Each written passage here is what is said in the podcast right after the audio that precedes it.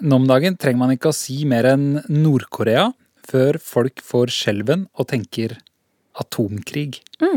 I dag skal vi sjekke ut Kim Jong-un.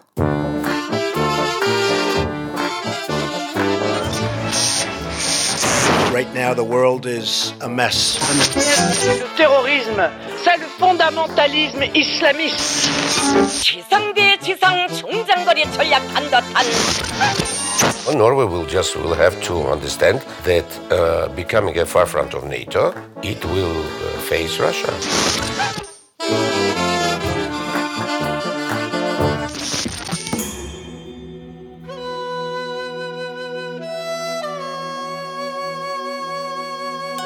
Halvor Finnes Tretvold og Nina Stensrud Martin legger nå straks ut på reise til Nord-Korea. Nasjonen alle er redde for at skal få atomvåpen. Du Nina, du har vært der. Ja, jeg har vært inne i DMZ, altså den demilitariserte sonen som da ligger mellom nord og sør. Som vel egentlig er klodens mest militariserte sted. Yep. Fordi nord og sør peker på hverandre der med skarpladde våpen. Du krøp rundt i noen underjordiske ganger der som strekker seg inn og under Nord-Korea. Hva annet eh, rart opplevde du? Og eh, veldig mye. Men en veldig bisarr eh, ting er, er at de har bygd en enorm jernbanestasjon. Splitter ny, fullt bemanna, med tog og svære digitale kart over togruter som altså strekker seg liksom gjennom Nord-Korea, gjennom Russland, helt til Europa. Men uten skinner som går noe sted. Ikke en eneste skinne. Nei. Poenget er å si til Nord-Korea at vi er klare for å rulle tvers gjennom landet deres så snart eh, Kim og denne grensa er borte. Et slags aggressivt eh, uttrykk for eh, håp, kanskje. For krigen den er jo ikke over. Våpnene de hviler bare, som de har gjort de siste 65 årene nesten. Men nå, nå er det i ferd med å bli litt eh, alvor igjen.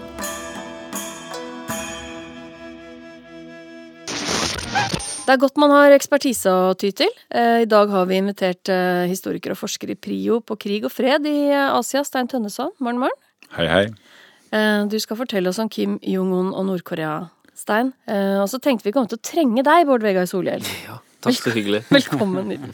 For du, eh, du går jo ut av politikken med boka Uro, som handler om en type sånn grunnleggende engstelse for endringene i verdiene våre, som jo mørketid handler om. Eh, Men skal vi starte med Kim? Lille Kim. Ja. folk flest veit jo nesten ingenting om personen Kim Jong-un. Om barndommen og ungdomstida hans, og hvem han er som menneske. Eh, Dere eksperter kan heller ikke være sikre på så veldig mye, eller, Stein? Det er helt riktig. Det er veldig lite vi egentlig vet. Vi vet ikke engang når han ble født. Offisielt så ble han født i begynnelsen av 1982.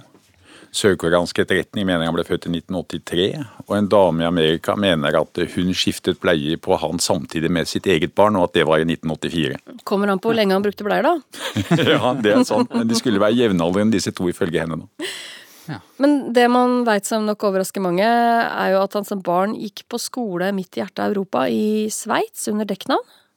Det går en del historier om han fra den tiden, og i hvert fall en av de tingene som fortelles, er noe som har vist seg å stemme også senere, og det er at han var fascinert av amerikansk baseball. Nei, basketball, unnskyld.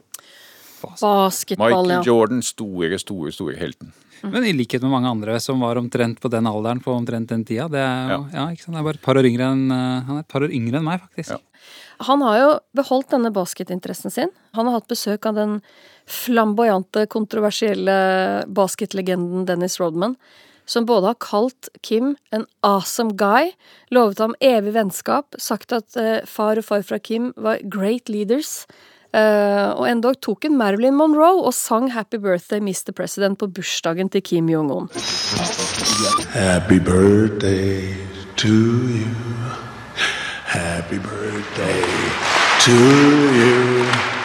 Happy birthday, dear Marshall. Happy birthday to you. Det er jo nesten så man ikke tror at det er sant.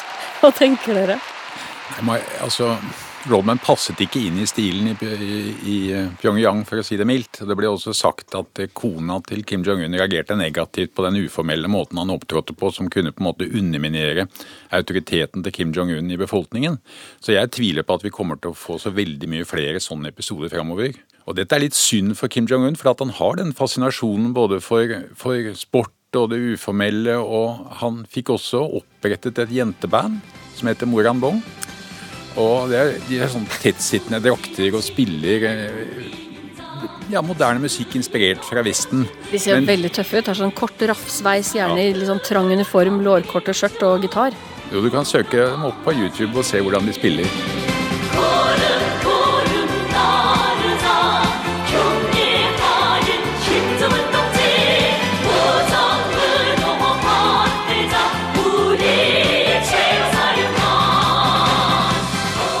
Det er på en måte et veldig nederlag, tror jeg, i Kim Jong-uns eh, liv da han sendte dem som en slags sånn goodwill ambassadors til Kina i eh, 2012, var vel det.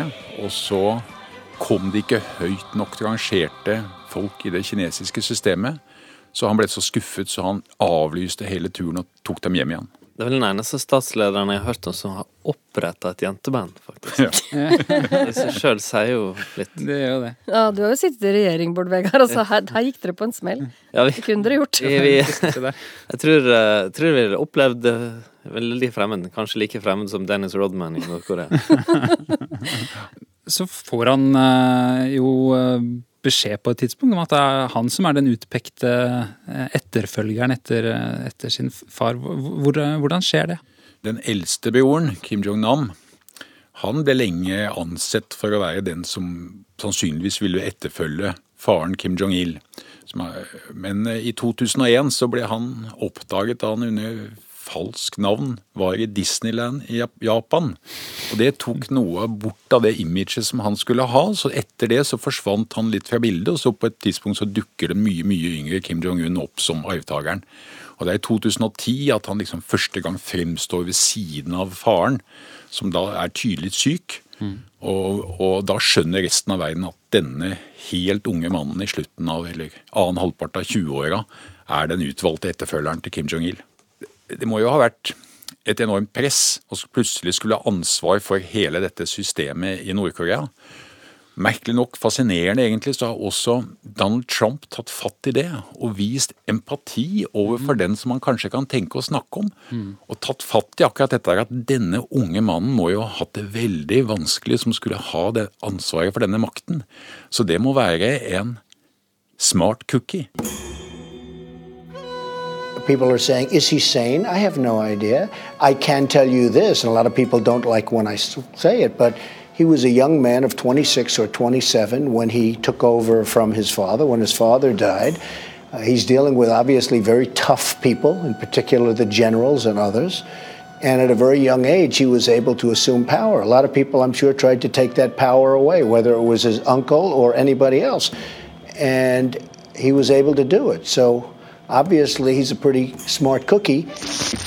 Hva tror du, eh, Stein, eh, at Kim Jong-un tenker når han hører dette? At han er en smart cookie? Jeg tror han liker det veldig godt. Jeg tror at dette ble oversatt med smart på koreansk, og at han likte å høre at han var smart. Jeg oppfatter dette som en empatisk uttalelse fra Trump om Kim Jong-un, som vil kunne berede grunnen for at de skulle kunne treffes. Kim Jong-un er ikke uberegnelig på den måten som Trump er. Kim Jong-un er tvert imot veldig forutsigbar. På hvilken Han måte da? Han er rasjonell. Fordi han er en ung mann som har arvet et system. I det systemet så har du, er det symbolisert i hovedstaden med et palass som var Kim Il-sungs, grunnleggerens, eh, offisielle residens. Det er nå et mausoleum. Der ligger han balsamert av russiske eksperter i en glasskiste. Ved siden av han ligger sønnen hans, Kim Jong-il, også balsamert i en glasskiste. Og der skal Kim Jong-un også ende opp. Han skal inn i den glasskista. Holde seg ved makten, og da må han verge seg mot tre store trusler. Første trusselen er angrep utefra, først og fremst USA. Andre trusselen er folkelig opprør. Tredje trusselen er et kupp fra folk i hans nærhet. Og den første trusselen, angrep utenfra, der har han ett middel atomvåpen. Det er det viktigste målet hans. Så han gir aldri opp atomvåpnene, sånn som Trump vil at han skal. Men du nevnte to eh, ting til som gjør eh, Kim Jong-un forutsigbar. Dette med et folkelig opprør. Man ser for seg et folk som er fullstendig hjernevaska, og som ikke tør å eh, si han imot i det hele tatt. Så hvordan skulle det oppstå? De, ja, det skjedde ikke noe folkelig opprør på 90-tallet, selv om kanskje en million mennesker døde i hungersnød. Det kalles den harde marsjen i nordkoreansk historie, hvor folket tålte denne hungersnøden. Og eh, det er helt avgjørende for Kim Jong-un å holde befolkningen under kontroll. Men han skiller seg fra faren sin på en, et viktig område, og det er at han legger mer vekt på at du skal få økonomisk forbedring. Faren hadde den såkalte Sungun-politikken, som var militæret først. Hans forsøk på økonomiske reformer ble mislykket, ble oppgitt. Men Kim Jong-un har erstattet Sungun-politikken med noe han kaller Byungjin-politikk, som er parallell utvikling, og det er militær utvikling på den ene siden, og så er det økonomisk utvikling på den andre. Og han har sluppet løs mer markedsøkonomiske reformer. Og det er tendenser til en viss økonomisk vekst og forbedring i Nord-Korea. Sanksjonene er vanskelige å forholde seg til, særlig hvis de også nå kommer fra Kina, hvis du skal få til dette. Men det er helt klart at Kim Jong-un skjønner at han også må få til økonomisk utvikling for å hindre at det kan oppstå folkelig opprør i fremtiden. Og den tredje faren dreier seg om, om faren for et, eh, et kupp inni i regimet. Ja. Hva slags eh, folk eh, omgir han seg med? Og er det en, eh, styrer han det kabinettet sitt med litt sånn skrekk og beven, eller hvordan er det? Ja, det, det er stadige utrenskninger. Altså det er folk du ser er i hans nærhet en stund, og så blir de plutselig borte. Og så dukker noen av dem opp igjen, og så oppstår det rykter i Sør-Korea rundt om i verden om at de er henrettet. Noen av dem er blitt henrettet, andre har vært på en slags omskolering. Så det gjenstår for han å bygge opp noen på en måte lojale eh, rådgivere. Kanskje også mer er i hans egen generasjon. Og så er han også redd for at kineserne og amerikanerne og sørkoreanerne skal intrigere og hjelpe noen til å gjøre kupp. Det ser vi jo nå hvor det er en eh, påstand i Nord-Korea om at CIA har forberedt eh, seg på å myrde han. Og han har en grunnleggende mistillit overfor Kina. Mm. han advarer mot Kina i sine taler. Selv om Nord-Korea nå er økonomisk avhengig av Kina, som står for nesten all utenrikshandelen, så er det altså null tillit mellom Nord-Korea og Kina. De har fengsla noen amerikanske borgere de siste dagene. Er alt det der sånn tegn til at han er redd, da? At, han er paranoid, liksom? Du trenger på en måte ikke å være paranoid for å føle deg truet når du leder et sånt regime som det han leder. Problemet er jo eh, hva det gjør med han som leder. Hvis han står der og tror at han blir angrepet av USA, og har den sånn grunnleggende frykt i sitt, i sitt indre, så vil det kanskje påvirke måten han tar avgjørelser på? Ja, og det, jeg tenker først og fremst at det kan påvirke kvaliteten på de rådene han får fra sine rådgivere. Fordi når de vet at det er en stor risiko for å bli utrensket, og kanskje henrettet Ikke mange som kommer med kritiske innvendinger da. Nei, det er det. Det er Og det svekker jo hans mulighet til å ta avgjørelser. Så han trenger noe han, han absolutt kan stole på. Tror du han er i stand til å skaffe seg reell informasjon sjøl? Det vet jeg ikke noe om, og det er, er egentlig ganske avgjørende for hvordan han vil klare seg framover. Det er spørsmål om han er klar over det. Hvis han er en smart cookie, som Trump sier, så kan det være han forstår det. Hva sa de på fra skoledagene i Sveits? Var han en smart cookie? Nei, der eh, er, sier de som har uttalt seg at han var mer middelmådig. Ikke så veldig flink på skolen. Average cookie. En average, vi, får, vi får håpe Dennis Rodman kan, kan eh, levere over litt informasjon om hvordan verden egentlig eh, er, da. Ja, eh, jeg har også tenkt på det. Han er ikke noen veldig god kilde, egentlig. Men kan jeg spørre, Stein, for det, i mange andre land som har vært veldig lukka, det finnes jo sånne eksempler, har jo ofte gradvis blitt åpna opp, gjerne gjennom en slags begynnende kontakt med utenomverdenen, gradvis kontakt. Er det, finnes det håp for noe sånt? Altså, finnes det miljøer, utveksling av studenter, vestlige turister eller hjelpeorganisasjoner, skjønner du? Altså ting som gradvis skaper litt mer innsikt, litt flere mennesker i landet som har møtt Vesten, eksempel? Svaret er et rungende ja. Ja. Det der er den eneste mulige løsningen, sånn som jeg ser det. Det er ikke mulig å forhandle seg frem til at Kim Jong-un gir fra seg atomvåpnene.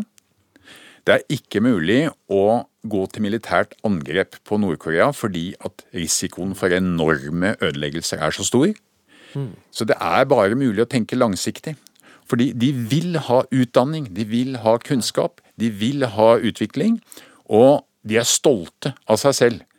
Så hvis solskinnspolitikken kommer i gang igjen fra Sør-Koreas side, og du får et teknologisk samarbeid mellom Sør-Korea og Nord-Korea, så kommer det til å utvikle en ny elite i landet som vil, ikke vil finne seg i den formen for fattigdom som de har. Men hvis det du sier nå er riktig, betyr det òg da kanskje at sanksjonspolitikken kan være feil, eller i hvert fall har sin bakside? For sanksjonene gjør vel da at det er mindre kontakt eh, med, mellom Nord-Korea og mennesker fra Vesten enn det ellers ville vært? Ja, det er det store dilemmaet. Altså, sanksjonene gir en slags tilfredsstillelse for de som gjennomfører dem, fordi at du føler at du gjør noe. Og når du ikke kan angripe militært, så tyr du da til sanksjoner som det eneste du kan gjøre. Men de har gjerne det motsatte virkningen av det som du ønsker, nemlig å bare stålsette den du retter sanksjonene mot. Sånn at eh, atomprogrammet i Nord-Koreas tilfelle blir ytterligere intensivert. Men det er et større spørsmål her, for hvis man tenker på den måten, så kollapser jo hele liksom, ikke-spredningstankegangen verden rundt. Og det er jo ingen tjent med. Nei, det er et dilemma. Og jeg sier jo ikke at man skal godkjenne formelt at Nord-Korea har fått atomvåpen. Men jeg sier at det er nok nødvendig å se gjennom fingrene med det. Mm. Man må fortsette å ta avstand fra det, selvfølgelig. Veldig mye av dette spillet omkring eh, Nord-Korea handler jo om hvilken slagkraft Kim Jong-un egentlig har. Um, heldigvis har vi allerede snakka med militærekspertisen på Forsvarets forskningsinstitutt. Der sitter seniorforsker Halvor Kippe. Hei, Halvor. Hei. Du har fortalt meg at når du er på fest, uh, og du forteller hva du jobber med, så sier vanlige nordmenn i Norge, riktignok etter et par pil kanskje, at de er redde for å få en nordkoreansk eh, bombe i hodet. Hva, si, hva sier du da? Nei, da, Det jeg svarer dem da, er at de bør slutte å være redde for det. Eh, Den aller enkleste forklaringen på det er at de i Nord-Korea for tiden ikke har våpen som kan slynges helt til Norge. Det er mer sannsynlig å få en meteoritt i, i skallen, eller noe sånt. Det er mye som er mye mer sannsynlig. Nå vet ikke jeg noe om sannsynligheten for meteoritten, men eh, jeg vet litt mer om Hvis den er over null, så er det mer sannsynlig. Ja, ja. Forskeren begynte å beregne med en gang. Kalkulere, kalkulere. Men da syns jeg at vi heller skal akkurat nå bekymre oss litt mer for de som bor eh, nærmere Nord-Korea, da. Sør-Korea f.eks. Eh, Hvis vi starter med konvensjonelle våpen, eh, altså de som, alt som ikke er masseødeleggelsesvåpen, ikke er kjernefysiske, kjemiske, biologiske våpen. Hva slags slagkraft har Nord-Korea da? De har en veldig stor slagkraft. eh, og Du har jo selv vært ved grensen der, Nina, og sikkert kjent litt på, på, på, på den spenningen som er der, og, og kanskje hørt litt om det artilleriet som de har lina opp langs den demilitariserte sonen. Man føler seg sett, ja, kan man man si. føler seg sikkert sett, og det er veldig mye soldater veldig nært eh, grensen. Og de har jo artilleri som sies å kunne nå hele storbyområdet rundt Seoul, hvor det skal bo rundt 25 millioner mennesker. Størsteparten av, av befolkningen til Sør-Korea er eh, sentrert der og innenfor eh, artillerirekkevidden til Nord-Korea. Og det behøver ikke være verdens mest avanserte artilleri, men når du har tusenvis av, av kanoner da, som kan skyte dit, så, så kan det bli eh, voldsomme greier på ganske kort varsel. Var det disse her de lina på en strand her om dagen og ja, eh, skøyt utover eh, bukta med?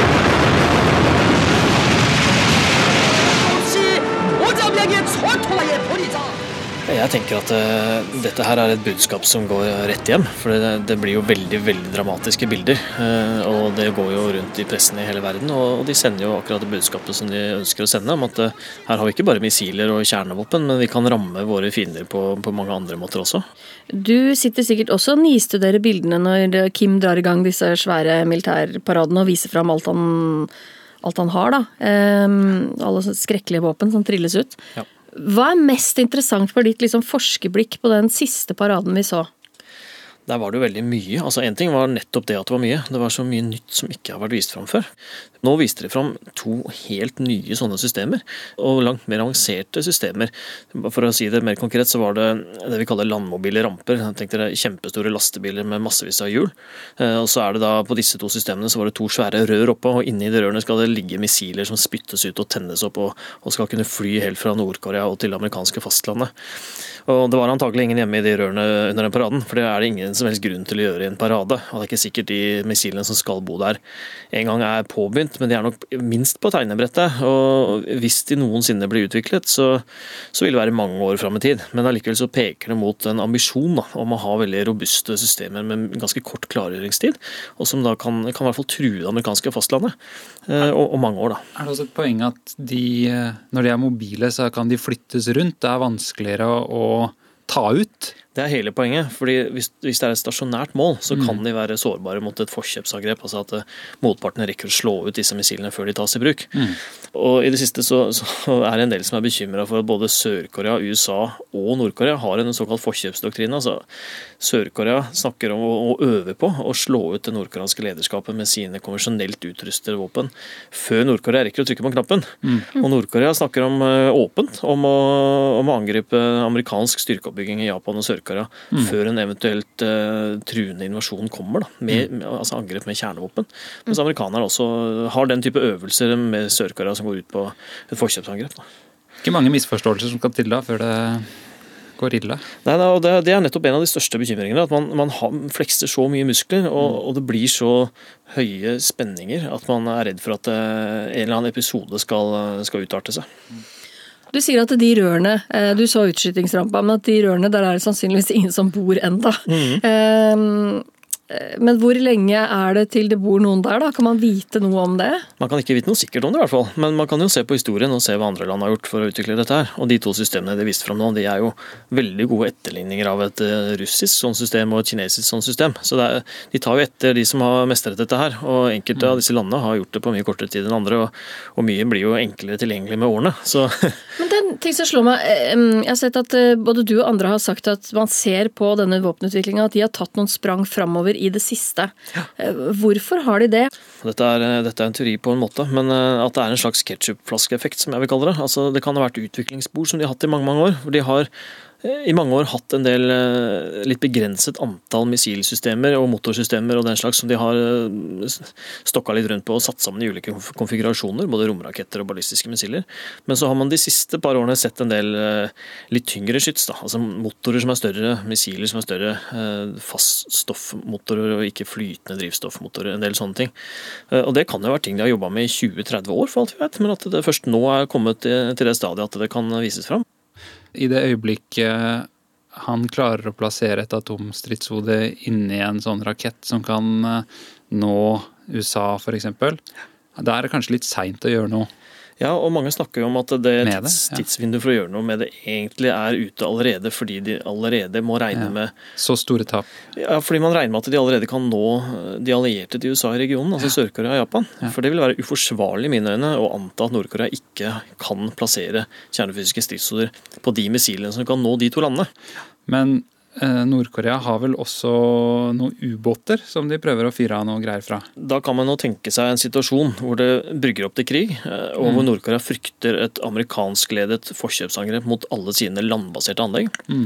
Hvor de er ute og seiler med en eller flere ubåter som bærer missiler med kjernefysiske ladninger på.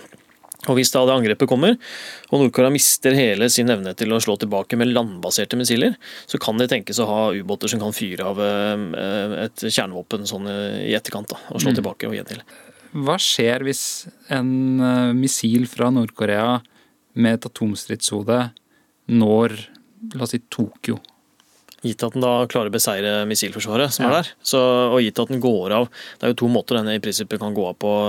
Den kan enten bare treffe bakken og gå av, men hvis, hvis hensikten er å gjøre mest mulig mekanisk skade på bakken, altså rase flest mulig bygninger, så bør den gå av i en, i en høyde som er noen hundre meter over bakken, avhengig av sprengkraften. Da. Men hvis den er på den sprengkraften som har vært på, på de to siste sprengningene, på en sånn 10-20 kilotonn, så, så går den av i en ja, to til kanskje 400-500 meter over bakken, eh, og sånn at den såkalte ildkula ikke treffer bakken. Og, men da vil det være altså en sjokkbølge først og fremst som slår ut eh, massevis av bygninger, og du vil få eh, drapstall på ja, Det kan være 100 000, 200 000, 300 000 døde, alt avhengig av hvor den treffer og når på dagen og osv. Og, og, og det vil være antagelig et ukjent antall som vil dø av brannstormer, som er kanskje litt underforstått basert på det, det lille vi har av ganske dyster empiri på dette feltet her. En moderne by som Tokyo med massevis av høye hus, det, er- det er ikke sikkert brannvesenet kommer eh, hvis du ringer det, like etter en sånn detonasjon. Så det, veldig mange flere kan drepes av brannstormer, og da, da kan estimatet fort gå veldig dramatisk opp. Hvis du sammenligner det med bomba, Nagasaki-bomba i 45 f.eks. Ja, Det er den størrelsen på våpenet. for den, den, som sluppet over Nagasaki var på rundt 20 kiloton, rett over 20 kiloton. Mm. Og det er jo den evnen Nord-Korea har, har bevist at de klarer å, å få ut av, sprengkraft. Mm. Du, Før folk begynner å grave um, tilfluktsrom i hagen, eh, Halvor yeah. um, Jo. Det trenger de altså ikke her, da. Nei, men altså For perspektivets skyld, da. Du sier jo gitt at ikke de ikke sant, fulgte ja. med i forkant ja. osv. Hvor stor er den militære verktøykassa til Nord-Korea sammenligna med USA sin? Ja, Uansett nesten hvem du sammenligner USA med, så vil det være veldig puslete. ikke sant? For USA har jo alle de verktøyene de har, har, behov for. sånn sett da. Og de har også en helt annen presisjon på leveringsmidlene sine. Så, så, så de blir jo puslete. Altså, på volum så er jo Nord-Korea store. De har veldig mange soldater og veldig mange systemer. men det konvensjonelle militæret til Nord-Korea er helt teknologisk utdatert, og det vet jo Nord-Korea også. Så det er på det kjernefysiske at de må kompensere. Da. De vil aldri bli likeverdige som USA. For USA har uh, hatt så mange kjernefysiske tester og har så mye oversikt over teknologien og designen på våpen og sånn at det, mm. det vil de antagelig ikke komme. Eh, derfor så tror man heller ikke at de vil være suicidal og avfyre et kjernevåpen mot USAs allierte når de vet hva som kan komme tilbake. Da. Mm. Det var en slags trøst ja. ja. i det. Mm. Det var bra, det. Mm. Eh, Stein og Bård Vegard, når dere, dere har sittet og lytta intenst på dette, her, hva tenker dere? Jeg føler en veldig frykt, uro, egentlig, mm. som jeg eh, er litt redd for å dele med den norske befolkning. fordi jeg har sett at når jeg snakker om min frykt, så blir andre også veldig redde. Og da blir de kanskje for redde. Så jeg, noen ganger så prøver jeg mer å dempe den frykten jeg kjenner inni meg, men jeg må innrømme at jeg at jeg er egentlig redd. Hva er du redd for? Ja, jeg er redd for akkurat den typen ødeleggelser som vi nå har hørt om. Altså katastrofale ødeleggelser. Jeg har viet de siste seks-sju årene av mitt liv til å forske på at Øst-Asia har vært så fredelig eh, i lang tid. Fordi Øst-Asia hadde de verdens verste kriger da jeg var barn og ung. Og så sluttet det etter den krigen som var mellom Kina og Vietnam i 1979. Og så har Øst-Asia opplevd en helt fantastisk fredelig periode de siste 30, mer enn 30 årene. Og med en enorm vekst i økonomien og i alminnelig levealder. Bare tenk på folk i Kambodsja. De var, kunne regne med, de nyfødte i 1981, å bli 33 år gamle. I dag kan de regne med å bli 68 år gamle. Mm. Det har vært helt enestående. og da, Dette er her så har jeg gleda meg sånn over, fordi at jeg har reist så mye i den regionen. Da er jeg redd for at dette skal brytes. Og Nord-Korea ligger jo midt i dette her. Jeg frykter en situasjon hvor USA legger så stort press på Nord-Korea militært, samler våpen rundt, holder øvelser like ved Nord-Korea, sender inn hangarskip og ubåter. Og så oppstår det en situasjon hvor Kim Jong-un blir overbevist om at nå er angrepet på vei, så nå har jeg min eneste sjanse til å bruke mine våpen. Og så bestemmer han seg for å gi ordren. Og når, så snart den ordren er gitt, så må USA svare. Det er en sånn situasjon som jeg noen ganger ja, nesten har små mareritt om om natten. Mm. Du da, Bård Vegard? Det her minte meg veldig om mitt eneste besøk til Sør-Korea.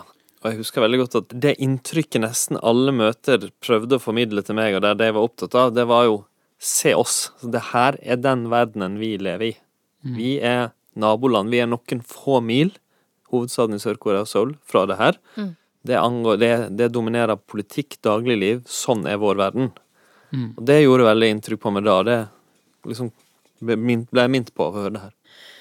Den her liksom grunnleggende nye uroen som, som, du snakker om, eh, Stein, som holder deg våken om natta av og til, uh, den har du også kjent på, Bård Vegard. Det var vel utgangspunktet for at du skrev boka med tittelen Uro. Ja, det var det. Jeg, jeg, er jo, jeg, er jo, en veldig optimistisk person. Jeg har jo til og med ofte sjøl litt sånn ledd av alle som, som, snakker om hvor galt det går i verden. For jeg mener jo at de fleste ting, jo, som i Øst-Asia, har gått framover. Mm. Men jeg har i mitt voksne liv ikke vært urolig som jeg hadde det siste året før. Og jeg fikk et veldig behov for å liksom systematisere det, prøve å forstå det her. det er ikke en engstelse, det er mer en sånn politisk uro. Det er mer i hodet enn i, kroppen, kanskje. Men Minner jo litt om det Mørketid-prosjektet. på en på ja, sånn. Den podkasten Ja. du Ja, jeg har jo fulgt med på den og hørt på det. Jeg er helt enig i at det, det talte til det samme i meg. Nå har det jo eh, vært et par valg i Europa Mm. siste halvåret. Hva tenker du om det? Er du blitt litt roligere nå etter Nederland og, nå sist Frankrike? Eller er bassgangen fortsatt eh, litt sånn skummel? Min bok er jo egentlig både full av håp og handlingsvilje. Mm. Og det opplever jeg nok kanskje at mange, veldig mange europeere deler den følelsen at man tar med seg uroen til et sterkt ønske om å slå noe tilbake gjennom handling. Og jeg, Mm. jeg leser litt Frankrike og det som skjedde nå med, med presidentvalget der i den, i den gata. Jeg tror likevel, altså Hvis man skal handle og få til noe positivt, så er det veldig viktig at man har en vilje til å erkjenne reelle problemer. Mm. Og det, De reelle problemene er ikke gått bort. Altså De økonomiske forskjellene som vokser, konfliktene rundt eh, innvandring, eh, religion mm. osv. Mm. Men òg si, den, den økte tendensen til frykt. Det, det at endringer som skjer, gjør oss reddere, bygger opp kløfter Mm. mellom oss. At vi, at vi liksom bare drar på mot hverandre og skaper frykt i samfunnet. Altså, gjennom disse episodene eh, med mørketid, så har vi jo eh, sett at det er noen sånne temaer som, som går igjen rundt de folka vi har snakket om, om Putin og Le Pen og Viktor Urban og Donald Trump og eh, Erdogan. Og en av de tingene er en sånn idé om at alt var bedre før. Altså sånn Mm.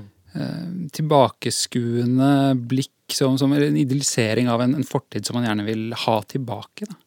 Jeg tror det mm, er fordi mm, eh, endringene vi har opplevd rundt oss, har skjedd kolossalt raskt i et sånn historisk perspektiv. Mm. Bare, bare, altså, når jeg ble født i 1971, så var homofili forbudt i Norge. Mm. Eh, I dag er det liksom helt allment akseptert. Så raskt har det skjedd.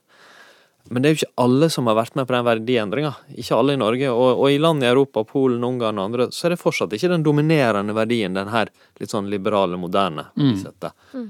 Og jeg tror at det søkes Det er en form for trygghet som søkes mot veldig store endringer. Som er økonomiske, eh, verdimessige på andre måter. Eh, Du får større kulturelle forskjeller. Da går man tilbake igjen og finner en sånn storhet i det. Mm. Men så er det nok òg noe som blir kynisk brukt av mange politikere. Det skal vi være obs på. En annen ting som går igjen eh, mange steder, er jo at eh, de velgergruppene som stemmer på høyrepopulistiske partier, gjerne har relativt lav inntekt, lav utdanning, eh, jobber i tradisjonelle arbeiderklasseyrker ofte, og bor gjerne utenfor byene, altså ikke i urbane strøk, men i rurale strøk. Og i alle fall delvis har jo dette vært velgergrupper og, og befolkningsgrupper som har hørt hjemme på venstresida. Du ser det på brexit i Frankrike, Det er i, i USA. Ser du på Mm. Trump-velgerne, eller nå ikke minst Le Pen-velgerne, så var det eh, kanskje første gang til og med vi har sett et, et veldig endringsskifte. Mm. Eh, Begge de landene så skjedde det at velgere med arbeiderklassebakgrunn, lav inntekt, stemte på høyrekandidaten. Mm. Og de med høy utdanning inntekt stemte på venstresidekandidaten. Og det har, så vidt jeg vet, i i nyere tid, ikke skjedd. I denne, det er helt brudd. Og jeg opplever det veldig dramatisk sjøl, Mm. fordi kjernen i liksom det som har vært sentrum-venstre-prosjektet, utjevne forskjeller, skape fellesskap i samfunnet, har vært en slags allianse mellom vanlige folk med vanlige inntekter og arbeid som skal løftes opp for det skikkelig, og, og middelklassen, eh, de med litt mer utdanning. Mm. Og det, hvis den brytes, så kan den liksom, det grunnlaget for det hele den politikken òg bli tøffere å, å, å opprettholde. Kan jeg stille deg et lite naivt spørsmål, Bård Vegard? Når vi føler uro, så har vi behov for trygghet. Mm. Når jeg tenker på Europa, så er det noen ganger jeg finner trøst i at Angela Merkel fins. Mm. Kjenner du det òg? Ja, jeg gjør det. Jeg har stor respekt for Angela Merkel, men òg Ja, jeg, eh, jeg kjenner trøst og, og trygghet, jeg òg, i politikere som kan appellere både til venstre og til høyre. Men kanskje aller mest det jeg opplever at hun har gjort, det er at hun har stått på de verdiene som vi over tid har klart å bli enige om i Europa. Mm. Litt på tvers av skillelinjer. Og det har hun turt å gjøre òg når det har blåst litt. Og det er det jeg nå jeg, jeg opplever jo i Europa at verdier vi tok for gitt, plutselig opp til diskusjon. Og da vil jeg si at jeg verdsetter enhver politiker, venstre, høyre eller sentrum, som, som tør å stå litt opp for det, og det syns jeg hun har gjort. Ja, Europa ist langsam. Es ist mühsam. Es hat tiefe Einschnitte wie den Austritt eines Mitgliedstaats hinzunehmen. Wo Europa, wie im globalen Wettbewerb, beim Schutz unserer Außengrenzen oder bei der Migration, als Ganzes herausgefordert wird, muss es auch als Ganzes die Antwort finden. Egal wie mühsam und zäh das ist. Ja, det Merkel sier her, er altså at eh, jo da, Europa har eh, problemer og utfordres bl.a. av migrasjon, men at eh, man må finne en løsning sammen uansett hvor ubehagelig det er. Dette er jo også en sånn driver i all polariseringa som vi har sett i alle episodene vi har laga, Halvor. Mm. Eh, frykten for innvandreren, eller krimigranten, som eh, Urban kaller han i Flyktningen i, eh, i Ungarn, da. Ehm, og der har vel ikke politikerne gitt gode nok løsninger på de problemene som innvandringa har skapt. Men hva er det du sier, det er liksom like feil å tro at ulike kulturer automatisk skal funke sammen, som å tro at de umulig kan det. Mm. Så Migrasjon skaper jo alltid konflikter. For eksempel norske innvandrere til USA var jo notorisk kjent for å være vanskelig å integrere. Um, men det er òg veldig mange eksempler på at det er fullt mulig. Og det Jeg prøver å avvise to, hoved, to spor som jeg syns har fått for mye oppmerksomhet. Det ene er den ideen om at vi, vi er de norske, og vår kultur er den liksom evigvarende, og, og alt annet som er dømt til å gå galt med det. Det er jo bare tull. Kulturer endrer seg hele tida. For eksempel for 150 år siden var det, var det typisk norsk å være kvinnediskriminerende. I dag er det typisk norsk med likestilling. Det har vi slåss igjennom. Men den motsatte ideen er etter min syn òg skummel i et land som Norge eller en kontinent som Europa. Nemlig at kulturer kan leve helt ved, side, ved siden av hverandre og være helt forskjellige. Uh, ulikt språk, ulike tradisjoner, og, og liksom være helt likeverdige. Nei, i et land som Norge så er det som har en viktig del av samholdet i vårt land, er jo at vi har en felles kultur. Vi kan ha ulike syn og ideer og skal diskutere og, og kan tro på ulike ting, men ganske mye av det som er verdiene og kulturen vår, må faktisk henge sammen. Blir ikke alle slags eh, motsetninger og problemer mye lettere å løse når du har fremtidstro?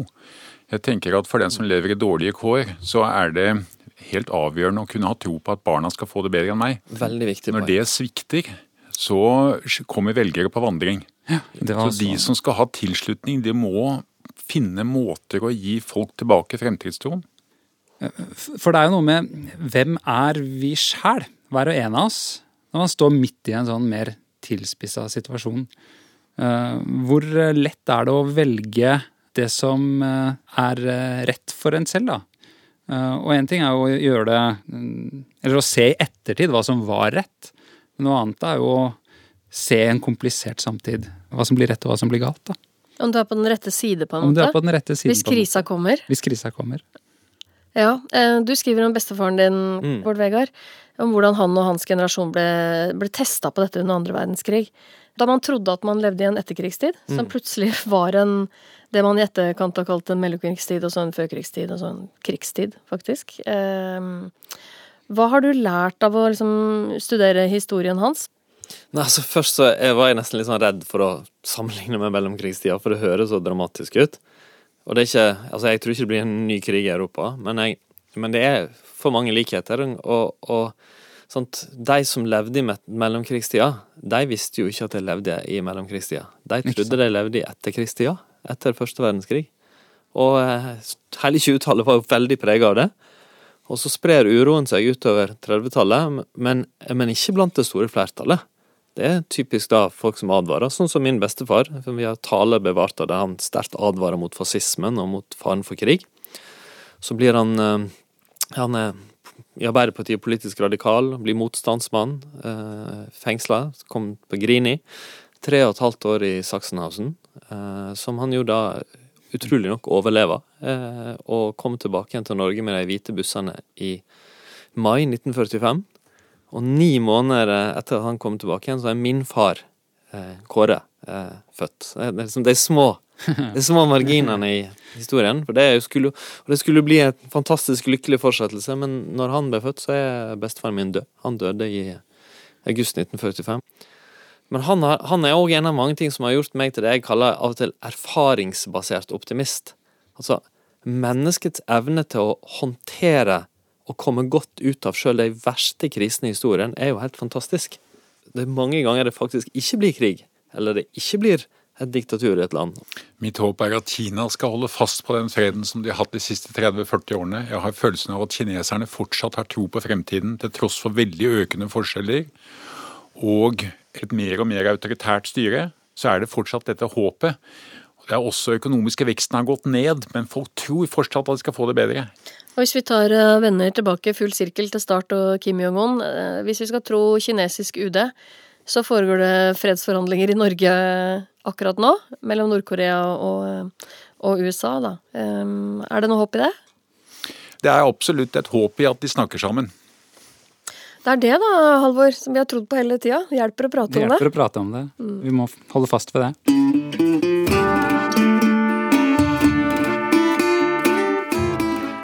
Med det der var faktisk Mørketid sesong én over og ut. Mm -hmm. Takk til deg som eh, har hørt deg gjennom liv og lære hos Putin og Trump og Le Pen og Orban og Erdogan og Kim Jong-un.